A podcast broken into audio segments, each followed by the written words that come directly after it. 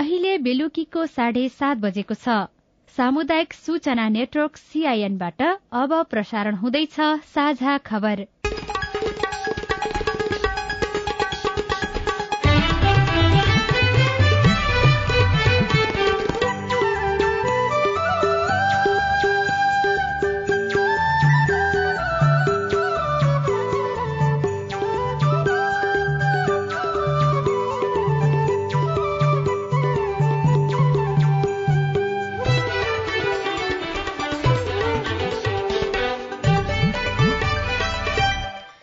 सीआईएनको साझा खबरबाट सोभिता रिसालको नमस्कार। साझा खबर देशभरिका सामुदायिक रेडियो सीआईएन खबर डट कम सीआईएनको फेसबुक पेज र मोबाइल एप सीआईएनबाट पनि सुन्न सकिन्छ।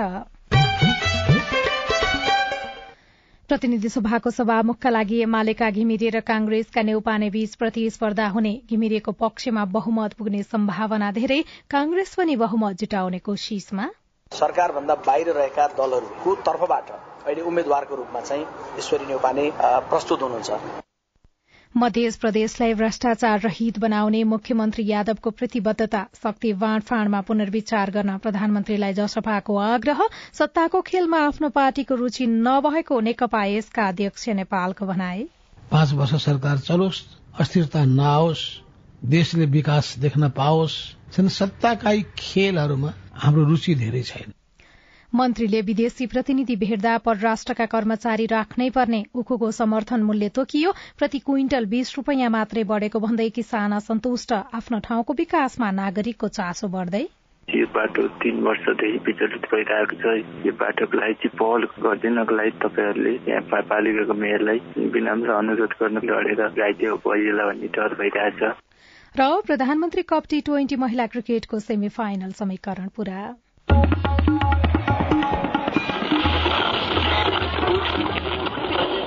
सयौं रेडियो, हज़ारों रेडियो कर्मी र करोड़ों नेपालीको माझमा यो हो सामुदायिक सूचना नेटवर्क सीआईएन नेपालका हिमाली भेग मात्रै होइन पहाड़ी र तराई क्षेत्रमा पनि जड़ीबुटी खेतीको सम्भावना छ। बाँझो जमीनमा उपयोगी जड़ीबुटी खेती गर्न सके जमीनको सदुपयोग मात्रै होइन नागरिकलाई आमदानी पनि हुने थियो। नेपालमा उत्पादित जड़ीबुटी मार्फत नै आयुर्वेदिक औषधि उत्पादन गर्न सके औषधिको आयात पनि घटाउन सकिन्छ। यसका लागि स्थानीय सरकारले नै आफ्नो क्षेत्रभित्र हुन सक्ने जड़ीबुटीको पहिचान गरी खेती थाल्न किसानलाई प्रोत्साहन गर्नुपर्छ। प्रतिनिधि सभाको सभामुखका लागि एमालेका देवराज घिमिरे र नेपाली कांग्रेसका ईश्वरी नेउपाने बीच प्रतिस्पर्धा हुने भएको छ। आज सत्तारूढ़ गठबन्धनको बैठकबाट एमालेका घिमिरे र कांग्रेस तथा नेकपा यसको तर्फबाट नेउपानेले उम्मेद्वारी दर्ता गर्नुभएको छ। घिमिरेको प्रस्तावकमा एमालेका सुभाष नेमवाङ र समर्थकमा माओवादीका हितराज पाण्डे राष्ट्रिय स्वतन्त्र पार्टीका रवि लामिछाने र राष्ट्रिय प्रजातन्त्र पार्टीका राजेन्द्र लिङदेन हुनुहुन्छ। यस्तै नेउपानेको प्रस्तावकमा कांग्रेसका विश्वप्रकाश शर्मा र रमेश लेखक तथा समर्थकमा एकीकृत समाजवादीका प्रकाश ज्वाला रहनु भएको संसद सचिवालयले जनाएको छ। सभामुख चयनका लागि प्रतिनिधि सभाको बैठक भोलि बिहान एघार बजेका लागि बोलाइएको छ। घिमिरेलाई एमालेका उनान अस्सी माओवादी केन्द्रका बत्तीस राष्ट्रिय स्वतन्त्र पार्टीका बीस र राप्रपाका चौध सांसदले भोट हाल्ने निश्चित भएकाले घिमिरेको पक्षमा बहुमत पुग्ने देखिन्छ। सभामुखमा निर्वाचित हुन साधारण बहुमत अर्थात एक सय अडतीस सांसदको मत आवश्यक पर्छ।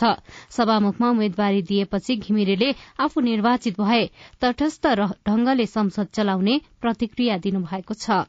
त्यो जिम्मेदारीमा पुग्ने कुरा त निश्चितै छ होइन?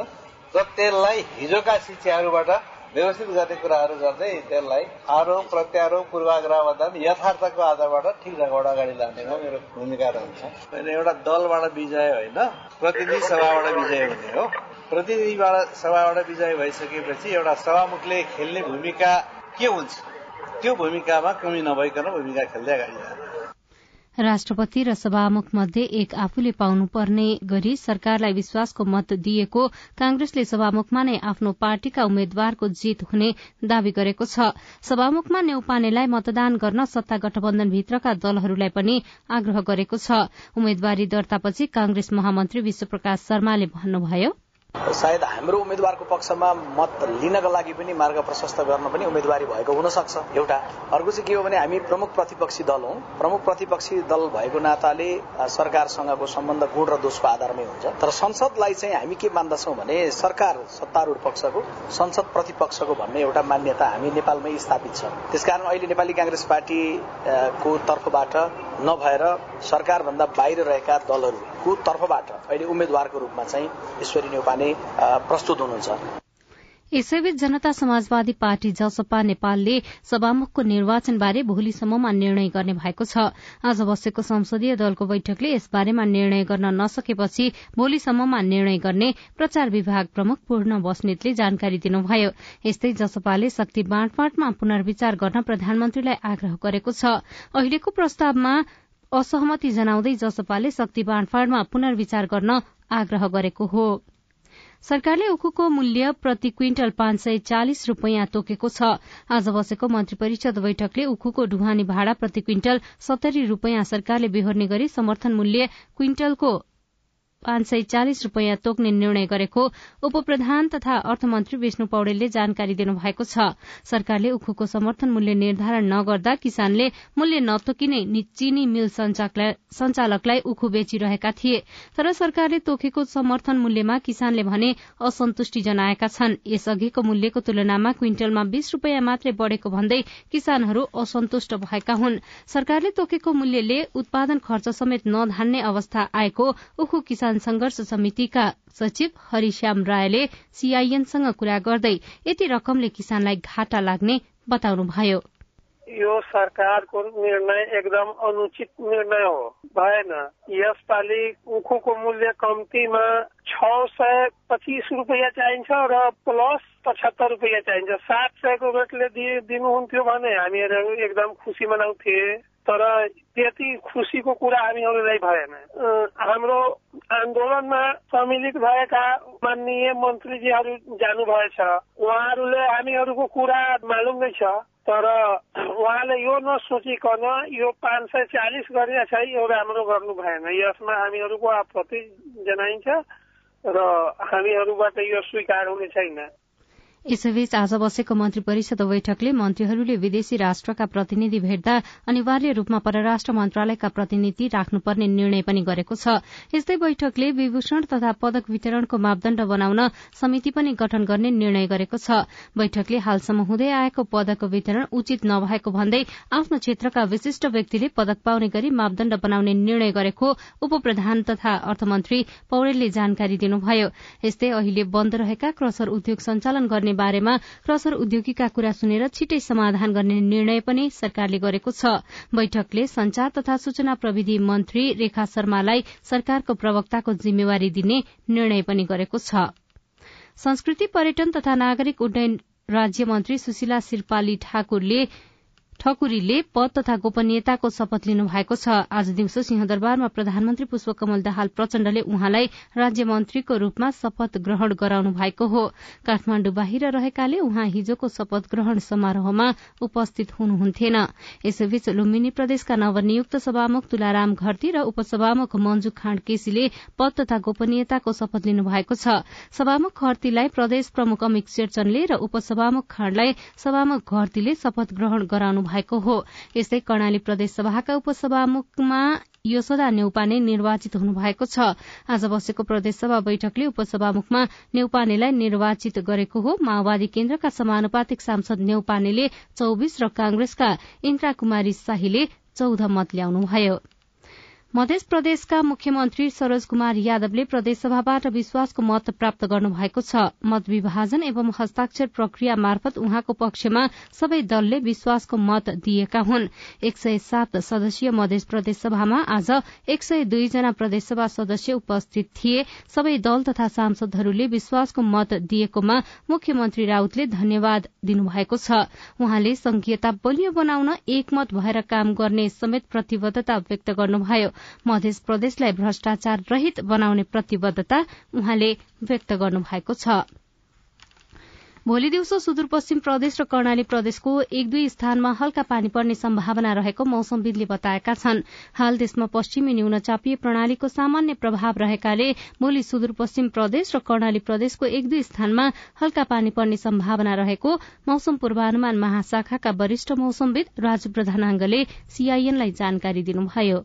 भोलि बेलुकाबाट पश्चिम निम्नचापीय प्रणालीको प्रभाव नेपालको सुदूरपश्चिम र कर्णाली प्रदेशको उच्च पहाडी तथा हिमाली भूभागमा देखिने सम्भावना छ। जसको प्रभावले गर्दाखेरि उच्च पहाडी तथा हिमाली भूभाग सुदूरपश्चिम र कर्णाली प्रदेशको उच्च पहाडी र हिमाली भूभागमा हल्का हिमपात हुने देखिएको छ भने सुदूरपश्चिम र कर्णाली प्रदेशकै पहाडी भूभागको एक दुई स्थानमा हल्का वर्षा हुने सम्भावना छ। त्यति शक्तिशाली प्रणाली त होइन। त्यो हुनाले खासै वर्षा त त्यस्तो राम्रो हुने देखिँदैन। यसपालि अहिलेसम्म हिउँदे वर्षा हुन सकेको छैन। यसले हिउँदे बाली लगाउन समेत समस्या भएको किसानको गुनासो रहेको छ। मौसम पूर्वानुमान महाशाखाका अनुसार आज राति भने सुदूरपश्चिम गण्डकी र प्रदेश एकको उच्च पहाड़ी तथा हिमाली भूभागका एक दुई स्थानमा हल्का हिमपातको सम्भावना छ। साझा खबरमा अब एउटा खेल खबर। प्रधानमन्त्री कप राष्ट्रिय टी ट्वेन्टी महिला क्रिकेट प्रतियोगिताको सेमी फाइनल समीकरण पूरा भएको छ। आज लुम्बिनी प्रदेशलाई सोह्र रनले हराउँदै मध्य प्रदेश सेमी फाइनलमा प्रवेश गरेसँगै सेमी फाइनल समीकरण पूरा भएको हो। इटहरीमा भएको पहिलो खेलमा मध्य प्रदेशले दिएको एक सय आठ रनको लक्ष्य लुम्बिनीले भेट्टाउन सकेन। मधेसले निर्धारित बीस ओभरमा पाँच विकेटको क्षतिमा एक सय सात रन बनाएको थियो। जवाफमा लुम्बिनीले पाँच विकेटको क्षतिमा एक सय पाँच विकेटको क्षतिमा एकानब्बे रन मात्र बनाउन सक्यो। आजै भएको दोस्रो खेलमा बागमती प्रदेशले गण्डकी प्रदेशलाई सैतिस रनले हराएको छ। बागमतीले दिएको एक सय छत्तीस रनको लक्ष्य गण्डकीले भेट्टाउन सकेन। पहिले ब्याटिङ गरेको बागमतीले पाँच विकेटको क्षतिमा एक सय पैंतिस रन बनायो। जवाफमा गण्डकीले पाँच विकेटको क्षतिमा अन्ठानब्बे रन मात्रै बनाउन सक्यो। अब प्रतियोगितामा पर्सि शुक्रबार सेमी फाइनलका खेल हुनेछन्।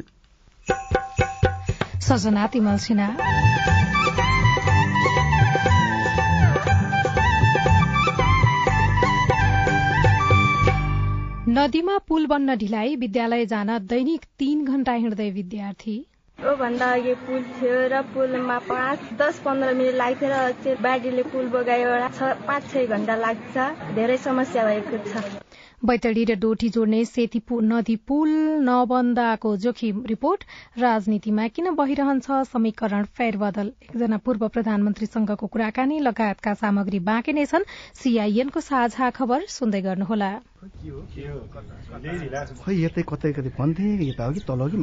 सर नमस्ते। हजुर नमस्ते नमस्ते। हजुर के सेवा गरौं? सूचनाको हक भन्ने बारेमा रेडियो टिममा खुब सुनिन्थ्यो। हजुर। आज पालिकामा छिरेको बेलामा सोधिहाले हजुरलाई। तपाईँले सही व्यक्तिलाई सही प्रश्न सोध्नुभयो। म चाहिँ यो पालिकाको सूचना अधिकारी हुँ। सूचनाको हक भनेको संविधान कानूनमा उल्लेख भएको नागरिकको अधिकार हो हजुर। अनि यो अधिकार त पत्रकारले मागे पाए भन्ने मात्रै सुनिन्छ त। हामी जस्ता सामान्य मानिसले कसरी प्रयोग गर्ने? सूचना माग्ने पत्रकारले मात्रै होइन। कुनै पनि नेपाली नागरिकले सूचना प्राप्त गर्ने कारण उल्लेख गरी सम्बन्धित सूचना सूचना अधिकारी समक्ष निवेदन दिनुपर्छ। विधि र प्रक्रिया पूरा गरी निवेदन प्राप्त भयो भने सूचना अधिकारीले पन्ध्र दिनभित्रमा उपलब्ध गराउनु पर्ने सूचनाको हक सम्बन्धी ऐनमा भनिएको छ। पन्ध्र दिन पो कुर्नु पर्ने व्यक्तिको जीवनको सुरक्षासँग सम्बन्धित सूचना माग गरिएको हो भने नि हजुर चौबिस भित्रै जानकारी दिनुपर्छ। अनि सरकारी वा सार्वजनिक निकायका अधिकारीले सूचना लुकाएमा पच्चिस हजारसम्म जरिवाना हुने व्यवस्था ऐनमा छ। त्यसका लागि चाहिँ राष्ट्रिय सूचना आयोगमा पुनरावेदन गर्नुपर्छ। अनि यो सूचना माग्दा पैसा पनि लाग्छ? लाग्दैन लाग्दैन। निवेदन उजुरी र पुनरावेदन गर्दा पैसा लाग्दैन। सम्बन्धित निकायले दिने सूचना दस पन्ना भन्दा बढीको भएमा चाहिँ प्रति पन्ना पाँच रुपियाँ तिर्नुपर्छ। ल कुरो बुझ्यो। अब भोलि नै म पनि सूचना माग्न आउँछु। हस् हस्। अस्ट्रेलिया सरकार र द एसिया फाउन्डेशनको साझेदारीमा सञ्चालित स्थानीय सरकार सबलीकरण कार्यक्रम र अकोराब नेपाल। सामाजिक रूपान्तरणका लागि यो हो सामुदायिक सूचना नेटवर्क सीआईएन तपाई सामुदायिक सूचना नेटवर्क सीआईएनले तयार पारेको साझा खबर सुन्दै हुनुहुन्छ। आँखाका प्रतिष्ठित डाक्टर सन्दुक रुइतले राष्ट्रपति पद आफ्नो लागि नभएको बताउनु भएको छ। बहरायनको प्रतिष्ठित ईसा पुरस्कार पाएपछि आज पत्रकारहरूसँगको छलफलमा डाक्टर रुइतले राष्ट्रपति आफ्नो लागि नभएको भन्दै आफ्नो सीमा र स्थान आफूले राम्ररी बुझेको प्रतिक्रिया दिनुभयो। अहिलेलाई राष्ट्रपति भन्दा आफूले गर्न सक्ने काम धेरै रहेको डाक्टर रुइतको भनाइ छ। लोकतन्त्रमा राष्ट्रपतिको विश्वसनीयता महत्वपूर्ण हुने भन्दै उहाँले नेपालमा अहिले त्यसको कमी रहेकाले सबै मिलेर विश्वसनीय बनाउनु पर्ने पनि बताउनुभयो। नेपालका कैयौं ठाउँका नदी र खोलामा पुल छैनन् जसका कारण भूगोलका हिसाबले निकटै रहेको वारीपारीको बस्ती समेत टाढाको बन्ने गरेको छ।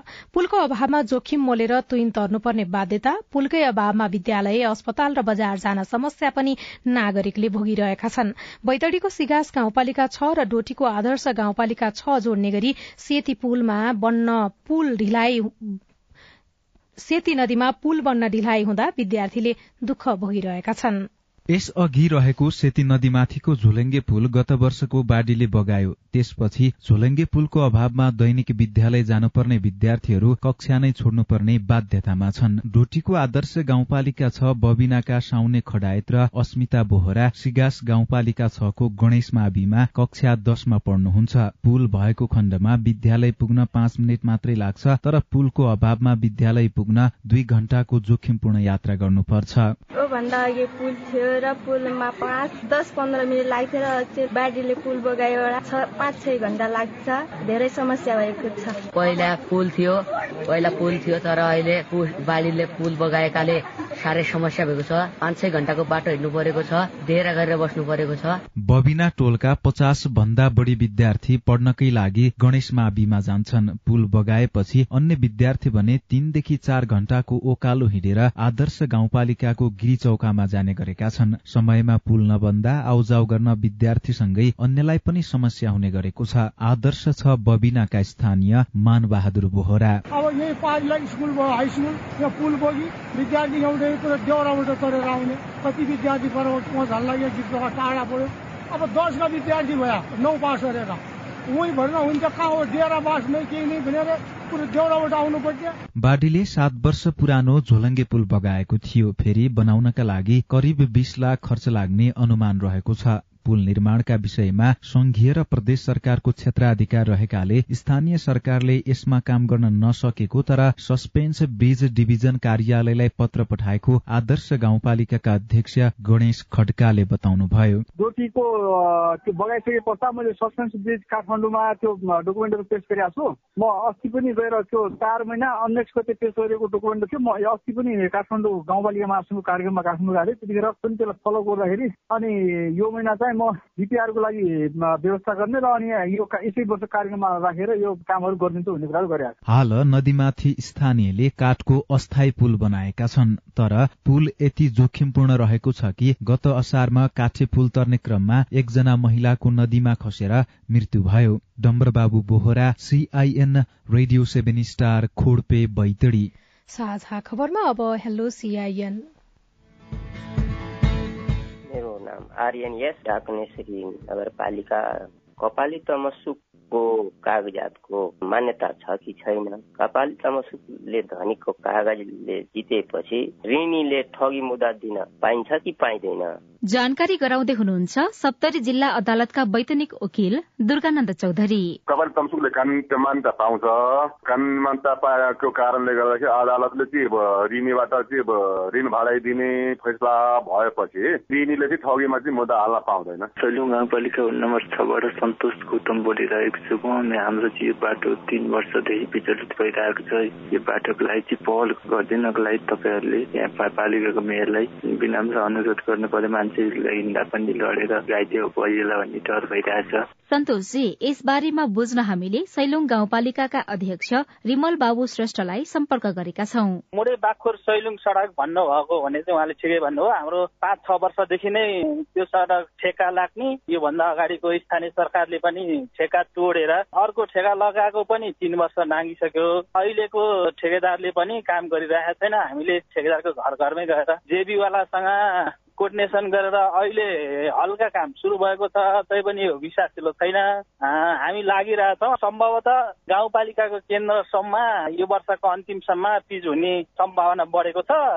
जिल्लाको आटोकृष्ण नगरपालिका वडा नम्बर पाँच लयापातल भन्ने ठाउँमा उत्तेसिनी बारीमा पहिरोको जोखिम धेरै भएको थियो। यसमा प्रदेशबाट इन्जिनियर आएर पनि नापी गरेर जानुभयो जानकारी केही भएन। यसमा जानकारी गराउनु पाइदिए आभारी हुन्थे। जवाफमा आठबीस नगरपालिकाका प्रमुख तर्क बहादुर बडुवाल भन्नुहुन्छ कहिले आएर नापी भएको प्रदेशबाट नापी गरेर आउँदाखेरि समयमा चाहिँ हामीलाई पनि अब सूचना त्यतिखेर गरेको भए हामी तिनीहरूलाई केही भन्थ्यौँ होला। सम्बन्धै नगर्ने चलन छ हजुर यतापट्टि। समयमा सूचना भयो भने त्यसका उपायहरू खोजिन्छन् ठाउँ ठाउँबाट। तपाईँहरू सबैलाई म भन्छु कि समयमा सूचना हामीलाई गर्नु होला। यस विषयमा उहाँहरूले थप तपाईँहरूलाई जानकारी गराउनु भयो भने थप बुझ्नु पनि हुन्छ होला। हजुर हजुर। तपाई जुनसुकै बेला हाम्रो टेलिफोन नम्बर शून्य एक बान्न साठी छ चार छमा फोन गरेर आफ्नो विचार प्रश्न गुनासो तथा प्रतिक्रिया रेकर्ड गर्न सक्नुहुन्छ। तपाई सामुदायिक सूचना नेटवर्क सीआईएनले काठमाण्डुमा तयार पारेको साझा खबर सुनिरहनु भएको छ। राजनैतिक समीकरण किन फेरबदल भइरहन्छ? यो शंका उपशंका बढ़ाउनका लागि गरिएका प्रचारहरू हुन्। हामी किन गर्नु र हामीमा त धैर्यता छ? पाँच वर्ष सरकार चलोस्। नेकपा यसका अध्यक्ष तथा पूर्व प्रधानमन्त्री माधव कुमार नेपालसँगको विशेष कुराकानी बाँकी नै छ। सीआईएनको साझा खबर सुन्दै गर्नुहोला। बाल विवाह विरूद्ध धर्मगुरूहरूको प्रतिबद्धता। वैदिक साहित्यमा बाल विवाह छैन। बाल विवाह हाम्रो मण्डली अन्तर्गत भएको छैन। हाम्रोमा बाल विवाह हुँदैन। यो मुद्दुमले भनेको कुरा हो र हाम्रो व्यवहारमा त्यस्तो नै छ। राधामिस गीता बाइबल कुरान वेद लगायतका सबै धर्मका ग्रन्थहरूले बाल विवाह गर्नुहुन्न भनेको भनेर धर्मगुरूले रेडियोबाट भनेको सधैँ सुन्ने गरिन्छ। तर किन बाल विवाह अन्त्य नभएको होला? हाम्रो नगरलाई बाल विवाह मुक्त गराउन अब के गर्ने होला? त्यो त हो नगर प्रमुखज्यू। भनेर मात्रै पुग्दैन। सबै धर्मका धर्मगुरूहरूले म बाल विवाह गराउने काममा संलग्न हुन्न भनेर प्रतिबद्धता जनाउने र अरूलाई पनि त्यस्तै सिकाउने कार्य गर्न सके मात्रै त्यो कार्य प्रभावकारी हुन्छ। अनि बाल विवाह विरूद्ध काम गर्ने संघ संस्थाहरू र तपाईँहरू जस्ता स्थानीय सरकारले पनि धर्मगुरू र धार्मिक अगुवाहरूलाई यो अभियानमा सँगसँगै सहभागी गराएर अघि बढ़ाउन सके। बाल विवाह लगायतका हानिकारक परम्परागत अभ्यास अन्त्य गर्न सकिन्छ। हुन्छ राधामिस म त्यसै गर्छु। ओल्ड भिजन इन्टरनेसनल नेपाल र अकुराब। सामाजिक रूपान्तरणका लागि यो हो सामुदायिक सूचना नेटवर्क सीआईएन तपाई सामुदायिक सूचना नेटवर्क सीआईएनले काठमाडौँमा तयार पारेको साझा खबर सुन्दै हुनुहुन्छ। अघिल्लो सरकार गठनका बेलादेखि गठबन्धन गरेका नेपाली कांग्रेस नेकपा माओवादी केन्द्र र नेकपा एकीकृत समाजवादी पार्टीबीच अहिलेसम्म सुमधुर सम्बन्ध छैन। माओवादी केन्द्रका अध्यक्ष पुष्पकमल दाहाल प्रचण्ड एमालेको समर्थनमा प्रधानमन्त्री बनेपछि कांग्रेस र नेकपा यस एकातिर अनि कांग्रेस एकातिर अनि माओवादी केन्द्र अर्कोतिर भएका छन्। प्रचण्ड नेतृत्वको सरकारलाई विश्वासको मत दिए पनि सरकारमा सहभागी नहुने र प्रतिपक्षमै बस्ने बताउँदै आएका छन्। कांग्रेस र नेकपा यसले भोलि हुने सभामुखको निर्वाचनमा साझा उम्मेद्वार तय गरेका छन्। यसैबीच साथी राजन रुचालले नेकपा एकीकृत समाजवादीका अध्यक्ष माधव कुमार नेपाललाई सहयात्री दल नेकपा माओवादी केन्द्रसँग छुटिनु पर्दा कस्तो महसुस भइरहेको छ भनेर सोध्नु भएको छ। साक्ष्य किनारा भएको रूपमा पनि मान्छे ठान्न सकिन्छ जीवन यसैको नाम हो राजनीति पनि यसैको नाम हो। यस्ता कुरालाई स्वाभाविक रूपमा लिइएन भने मान्छे चिन्तित हुन्छन् मान्छे भरभराउन थाल्छन्। यसलाई सहज रूपमा लिने हो भने जम्मै चिजलाई पार गर्न सकिन्छ भने विश्वास पलाउँछ र ऐन मौकामा तपाईँहरूको आवश्यकता महसुस सबैलाई हुन्छ। प्रचण्ड र तपाईँ चाहिँ अघिल्लो रातसम्म चकेवाको जोडी जस्तै हुनुहुन्थ्यो। तपाईँहरूको मनमुटु सबै मिलेको प्राण पनि एउटै ज्यान मात्रै दुईटा भने जस्तो थियो। कसरी यो विग्रह तपाईँहरूको बिचमा यो खालको चाहिँ बिछोड कसरी? एउटा त तपाईँलाई थाहा छ कि दस गतेका दिनमा जुन दिनमा प्रधानमन्त्रीको निम्ति दावा गर्नुपर्ने दिन थियो त्यो दिनको दिउँसो बाह्र बजेसम्ममा कुरा मिलेन। खास शेर बहादुरजी र प्रचण्डजीको बीचमा कुरा मिलेन। मेरो पनि के थियो भन्दाखेरि प्रचण्डजीलाई कमिटमेन्ट गरिसकेको हो भने उहाँलाई दिनुहोस् भन्ने मेरो राय थियो। शेर बहादुरजीलाई अर्को के भ्रम परेछ भने प्रचण्डजीलाई कसैले पनि प्रधानमन्त्री बनाउँदैनन्। त्यो घुमिफिरिकन मेरै हातमा आउँछ। त्यो उहाँलाई भ्रममा राखेर उहाँलाई सबक सिकाउने काम चाहिँ भइरहेको कुरालाई बुझ्नु सक्नु भएन। त्यो सबै सन्दर्भमा चाहिँ प्रचण्डजीले अर्को उपायको खोजीमा लाग्नुभयो र मसँग पनि सल्लाह गर्नुभएको थियो कि हामी बसेर कुराकानी गरौं सरकारवालाहरू सबै बसेर। तर प्रचण्डजीले त्यसपछि फेरि कुनै सूचना कुनै जानकारी मलाई दिनु भएन। त्यो दिन के भएछ? सर्लक्कै बिर्सनु भएछ केही छैन यस्तै हुन्छ यो राजनीति। कतिपयले सत्ताको उन्मादमा हुँदाखेरि चाहिँ आफ्नै मान्छेहरू पनि बिर्सिने खतरा हुन्छ भन्छ अब त्यस्तै त्यो- भए जस्तो छ। त्यो शब्दको म प्रयोग नगरिहालौं तर त्यो उहाँले बेठिक गर्नुभयो हुन सक्छ कुनै बाध्यता थियो होला। म शंकाको लाभ दिने मानिस। म सिधै आरोप र प्रत्यारोपमा उत्रिनबाट अलि जोगिने चाहने मान्छे। तपाईँ सँगसँगै हुनुहुन्थ्यो। तपाईँ पूर्व प्रधानमन्त्री पनि। तपाईँलाई सबै कुराहरू थाहा हुन्छ नि त। भनेको कसले कहाँ कुरा गरिराखेको छ? कति बेला के चाहिँ घटना घट्न सक्छ? अथवा पूर्व आकलनहरू अलिकति बढी नै गर्न सक्नुहुन्छ तपाईँहरूले। त्यसकारण सोध्दैछु। बालकोटमा त प्रचण्डका दूतहरू धाइराखेकै थिए नि।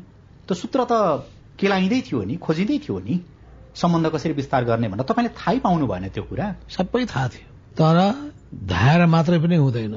धाउन त अन्त पनि धाएका थिए होला नि। केपी ओलीले पत्याउनु हुन्न भन्ने चाहिँ तपाईँहरूलाई लागिराखेको थियो। त्यो के गर्नुहुन्छ भने त्यसमा थिएन। मलाई त लागिसकेको थियो र मैले शेरबहादुरजीलाई भनिसकेका थिएँ। संकेत गर्नुभएको थियो। भनिसकेका थिएँ मैले।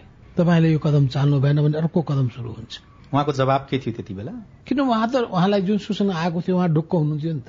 उहाँलाई सूचना प्राप्तिको हिसाबले चाहिँ शेरबहादुर देउवा कमजोर देखिनु भयो यसबाट सूचना उहाँलाई चाहिँ भ्रममा पार्ने सूचना पुगेको रहेछ अनि उहाँले चार बजे मलाई फोन गरेर भन्नुभयो कि प्रचण्डजीलाई पहिलो चरणको प्रधानमन्त्री दिनका लागि म तयार छु। त्यति बेला समय घर्किसक्यो। त्यति समय समय घर्किसकेका थियो। मैले भने यति भएर हुन्छ। तपाईँले ढिला भन्नुभयो। किन हामी यही पार्टी अफिसमा बसेका थियौं। तपाईँहरू सरसल्लाह गर्दा गर्दै राजनीतिको डुङ्गा खास गरी गठबन्धनको डुङ्गा चाहिँ डुब्यो त्यस बेला अब त्यो डुङ्गा निकाल्ने प्रयासमा तपाईँहरूले विश्वासको मत दिनुभएको हो कोर्स करेक्सन गर्न खोज्नु भएको हो? होइन प्रचण्डजीलाई विरोध गर्नुपर्ने कुनै आवश्यकता थिएन। कताबाट प्रधानमन्त्री भन्ने कुरा त्यो महत्वपूर्ण होइन। पात्रको रूपमा तैले प्रचण्डजीले नै मौका पाउनुपर्छ भन्ने पक्षमा म आफै पनि थिएँ। त्यो त कांग्रेसले पनि स्वीकारेकै विषय थियो नि। कंग्रेसले पनि स्वीकार गरेकै अवस्था बन्यो। भएको हुनाले पनि हामीले समर्थन गर्यौं। कंग्रेसले पनि समर्थन गर्यो। दुइटैको हाम्रो कुरा मिल्यो। समर्थन गर्ने र प्रतिपक्षमा बस्ने। तर कतिपयले के पनि भन्छन् भने नि अहिले सभामुखको निर्वाचन हुँदैछ। त्यस पछाडि राष्ट्रपति उपराष्ट्रपति उपसभामुख लगायतका प्रमुख पदहरूको निर्वाचन हुँदै गर्दाखेरि चाहिँ एमाले फेरि एक्लिन्छ एकीकृत समाजवादी र कांग्रेसले फेरि पासा पल्टाउँछन् भनेर पनि भन्छन्। अब यसमा कति सत्यता भेटिन्छ? तपाईँहरूको तयारी त्यस्तै खालको भइराखेको छ कि के छ? यो शंका उपशंका बढाउनका लागि गरिएका प्रचारहरू हुन्। हामी किन गर्नु र? हामीमा त धैर्यता छ। पाँच वर्ष सरकार चलोस् अस्थिरता नआओस् देशले विकास देख्न पाओस् जनताले यो समाजमा काम गर्नेहरू पनि रहेछन् भन्ने कुरा देख्न पाउन् विकासको लाभ जनताले पाउन् देशले पाओस् भन्ने हाम्रो चाहना हो। छन् सत्ताकाई खेलहरूमा हाम्रो रुचि धेरै छैन। कहाँ तपाईँलाई चाहिँ अब राष्ट्रपति बनाउँदैछ अरे माधव नेपाल चाहिँ अबको राष्ट्रपति रे भनेर कति धेरै चर्चा छ बाहिर? अब त यस्ता चर्चाहरू त चलिरहन्छन्। राजनीतिमा चर्चा परिचर्चाहरू चल्दछन्। कहिलेकाहीँ चर्चै नचलेर पनि भइदिन्छ। पटक पटक चर्चामा नाम आयो। त्यसलाई स्वाभाविक रूपमा ठान्नु पर्यो। तर यसपटक चाहिँ प्रचण्डले तपाईँलाई राष्ट्रपतिको अफर गर्नु भएकै हो र? सुन्या छैन मैले। दुईजना मात्रै कुराकानी हुँदाखेरि चाहिँ? छैन छैन। नभएको कुरा गर्न हुँदैन। त्यसो भए अब राष्ट्रपतिमा तपाईँको पार्टीले कसलाई सघाउँछ? हेरौँ अझै एक महिनाको समय बाँकी छ। समयभन्दा पहिले कुनै पनि कुराहरूमा धेरै चाहिँ अब उछलकुद गर्न पनि हुँदैन। अब्जर्भ गर्नुपर्छ। घटनाक्रमहरूको मसिनो गरी विश्लेषण गर्नुपर्छ।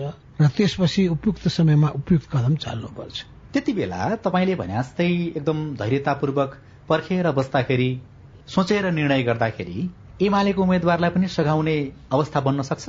अब घटनाक्रमले कस्तो मोड लिने हो राजनीतिमा यसै भन्न सकिँदैन। तर यस बीचमा कुनै नाटकीय परिवर्तन होला जस्तो मलाई लागेको छैन। के थाहा? त्यही डोरो समात्दै समात्दै तपाईँहरू फेरि एमालेमा फर्कने अथवा पार्टी एकता गर्ने पुट स्थिति बन्छ कि? एमालेमा फर्किने त अब कसैले भन्ला र बरु त्योभन्दा बढी तपाईँले पार्टी एकताको कुरा गर्न खोज्नु भएको होला। एकताको कुनै सन्दर्भै छैन अहिले। चासै छैन कसैलाई।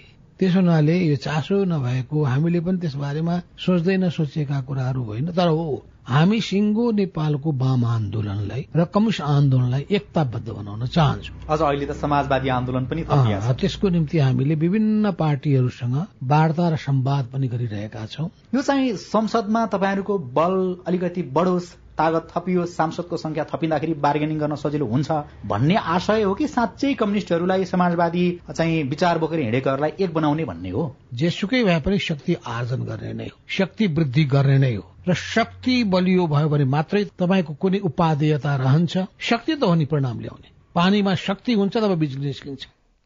नेकपा एकीकृत समाजवादीका अध्यक्ष माधव कुमार नेपाल सीआईएनसँग कुराकानी गर्नुहुँदै। प्रतिनिधि सभाको सभामुखका लागि एमालेका घिमिरे र कांग्रेसका बीच प्रतिस्पर्धा हुने भएको छ। घिमिरेको पक्षमा बहुमत पुग्ने सम्भावना धेरै छ। कांग्रेस पनि बहुमत जुटाउने कोशिशमा रहेको छ। मध्य प्रदेशलाई भ्रष्टाचार रहित बनाउने मुख्यमन्त्री यादवले प्रतिबद्धता व्यक्त गर्नुभएको छ। शक्ति बाँडफाँडमा पुनर्विचार गर्न प्रधानमन्त्रीलाई जसपाले आग्रह गरेको छ। सत्ताको खेलमा आफ्नो पार्टीको रूचि नभएको नेकपा यसका अध्यक्ष माधव कुमार नेपालको भनाइरहेको छ। र मन्त्रीले विदेशी प्रतिनिधि भेट्दा परराष्ट्रका कर्मचारी राख्नुपर्ने भएको छ। उखुको समर्थन मूल्य तोकिएको छ। प्रति क्विन्टल बीस रूपियाँ मात्रै बढ़ेको भन्दै किसान असन्तुष्ट बनेका छन्। आजलाई साझा खबरको समय सकियो। प्राविधिक साथी सुनिल राज भारतलाई धन्यवाद। भोलि माघ पाँच गते बिहान छ बजेको साझा खबरमा फेरि भेटौँला। अहिलेलाई सोभितारी साल पनि विदा हुन्छु। नमस्कार शुभरात्री।